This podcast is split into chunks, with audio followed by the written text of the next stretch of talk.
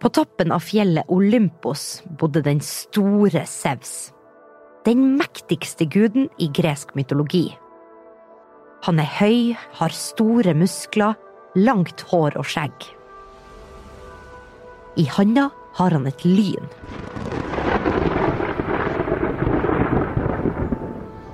For han er himmelguden.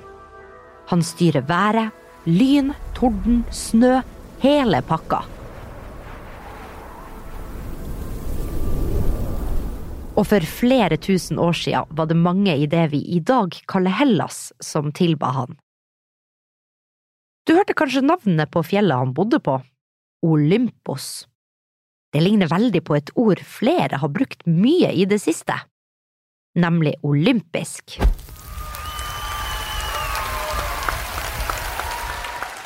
Det er ikke tilfeldig. For visste du at Sevs skal ha litt av æra for at vi i dag klistrer oss foran skjermen for å se de beste av de beste idrettsutøverne kjempe for å vinne gull?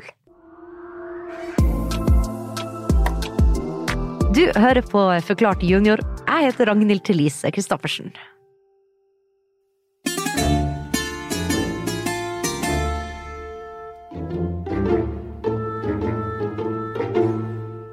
OL er de olympiske leker. Og de olympiske leker det er store idrettsarrangement. Og det består av mange konkurranser i mange idretter med utøvere fra hele verden. Sigmund Loland her, han jobber på Norges idrettshøgskole. Og han kan masse om OLs historie. Det han snakker om nå, er jo hvordan OL er i dag. Og Sevs er jo ikke hovedpersonen i OL i Beijing. For å forstå hvordan det hele begynte, må vi skru tida nesten 3000 år tilbake i tid. Til det området som er Hellas nå. Og I Hellas var det mange byer som, var, som konkurrerte mye og lå i krig med hverandre. Men hvert fjerde år så møttes idrettsutøvere fra disse byene på et bestemt sted i Hellas, som faktisk er en liten by som heter Olympia. De her konkurransene blir kalt de antikke olympiske lekene. Det betyr egentlig bare at det er veldig gammelt. Mens lekene ble arrangert, var det ikke lov å krige med hverandre. Da skulle det være fred, så alle kunne reise til de olympiske leker og bli med, og så kunne de reise hjem igjen uten å bli overfalt og uten at det var krig. De hadde stadioner og tilskuere, og det hele var for å ære Sevs. I dag har jo alle utøverne i OL masse fancy utstyr, og bruker mye tid på detaljene på det de har på seg. Vi kan si at de gjorde det litt enklere før i tida. En god del enklere. De var rett og slett naken, og smurte seg gjerne inn i olivenolje. Og så syntes grekerne at det var veldig veldig flott å se disse nakne, veltrente kroppene. Og det var liksom en ære for guden å stå fram som, et, som, en, som en flott og veltrent kropp. En av konkurransene var en type brytekamp. Der var det veldig få regler, og det var ganske tøffe greier. Så hadde de løp. De løp rett fram, og så bråsnudde de, og så løp de tilbake igjen. Og så hadde de kast, og de hadde hopp en type lengde. Så de hadde ulike idrettsgreiner. Noen av de ligner på våre, spesielt friidrett. Og kampidrett. Dette var da for ca. 3000 år siden. Men det vi kaller de moderne olympiske leker, de starta for nesten 130 år siden. Så selv om vi kaller dem moderne olympiske leker, er det fortsatt ganske annerledes enn OL som arrangeres i år. Og Der var det en franskmann som het Pierre de Coubertin. Han var veldig misfornøyd med bl.a. skolesystemet, og syntes at barna satt altfor mye stille, og de hadde altfor lite fysisk aktivitet, og de måtte pugge og pugge og lære utenat. Han ville endre det her. Han ville at barn og unge skulle bevege seg mer for han mente at det er bra for dem. Da tenkte han først og fremst på franske barn og unge. Men etter hvert fikk han tanken om dette gjelder jo egentlig alle land. Så hvis vi kommer opp med noen flotte idrettskonkurranser, så inspirerer alle mennesker til å drive idrett, så er det en god ting. I begynnelsen var det bare sommer-OL. Det var bl.a. konkurranser i svømming, friidrett, tennis og turn. Siden da har noen øvelser i OL kommet og gått. En gang i tiden var tauklatring en idrett. Første person opp et 14 meter langt tau opp til taket, det var en stor idrett. Og tautrekking var en idrett. I dag har vi leirdueskyting. Altså øvelsen hvor man skal skyte på det som nesten ser ut som en flygende tallerken. Men i år 1900 så skjøt de på levende duer. Og når konkurransen var slutt, så var eh, arenaen full av døde duer. Kanskje like greit at duer er blitt til tallerkener. Og noe annet som eh, var veldig annerledes før, var at ikke alle øvelsene var idretter.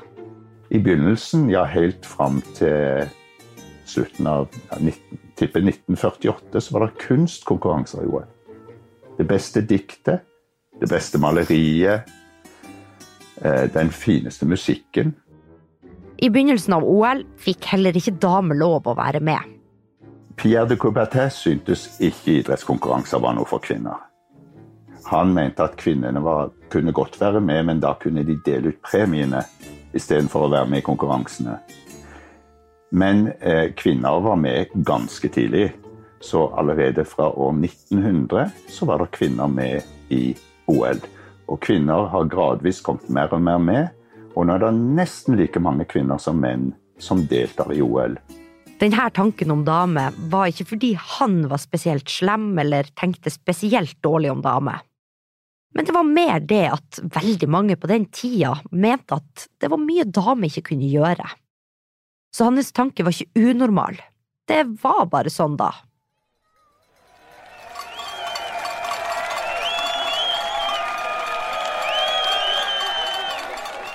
Men tenk hvor flott det er at vi kunne se Therese Johaug gå inn til gull dette OL. Eller at to damer og to gutter fra Norge sammen kunne ta gull i skiskyting. Så det er ikke bare det at jenter er med i OL som har endra seg. Vinter-OL har også blitt en greie. Det ble til nesten 30 år etter første sommer-OL. Og vinter-OL har på mange måter gått veldig bra, det. I alle fall for alle de landene som driver vinteridrett, som Norge. De er veldig opptatt av vinter-OL. Nå i dag er det veldig, veldig mange mennesker som ser på OL. Det har gått fra å være en måte å holde barn og unge i aktivitet og inspirere dem til å ville bli god, til å handle om å satse alt på idretten. Og det koster mye penger for landet som arrangerer OL. Å ha gode utøvere, det gir prestisje. Og mange land satser på å få gode utøvere, for da blir de stolte. OL blir bare større og større. Flere idretter kommer med, f.eks. er både snowboard og skateboard ganske nye idretter i OL. Alle byer som arrangerer OL, må bygge mange stadioner og hoteller. Ikke bare koster det masse, men mange mener at det er dårlig gjort mot miljøet, siden OL bare skal arrangeres der én gang. Og så spør hun mennesker ja, men hvem skal bruke disse anleggene etter at OL er over. Er det bare noe vi, vi bruker mye penger og mye klimagassutslipp og store miljøavtrykk bare for å gjøre dette én gang? Det kan vi ikke holde på med. Så OL jobber mye med at det skal bli mer miljøvennlig og bærekraftig. Noen har foreslått at det kan være fem vinterbyer og fem sommerbyer som bytter på å ha OL. Men hvordan det blir, det vet vi ikke ennå. Det vi vet, er at OL er veldig annerledes enn da grekerne, naken i olivenolje, hedra guden Sevs.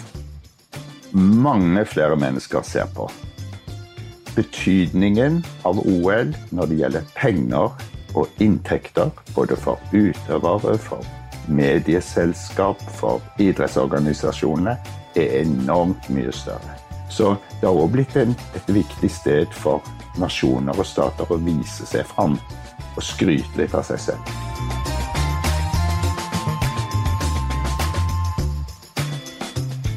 Hva slags idrett skulle du ønske var med i OL? Det hadde vært veldig gøy å vite, så send svaret ditt til rtk alfakrøll aftenposten.no. Så sender jeg ei forklart junior-T-skjorta til noen av dere. Du har hørt på Forklart junior. Jeg heter Ragnhild Thelise Christoffersen. Episoden er produsert i samarbeid med Filt Oslo, og produsent er Regine Døsen Christoffersen. Og Mari Midtstigen er ansvarlig redaktør. Vi snakkes neste uke.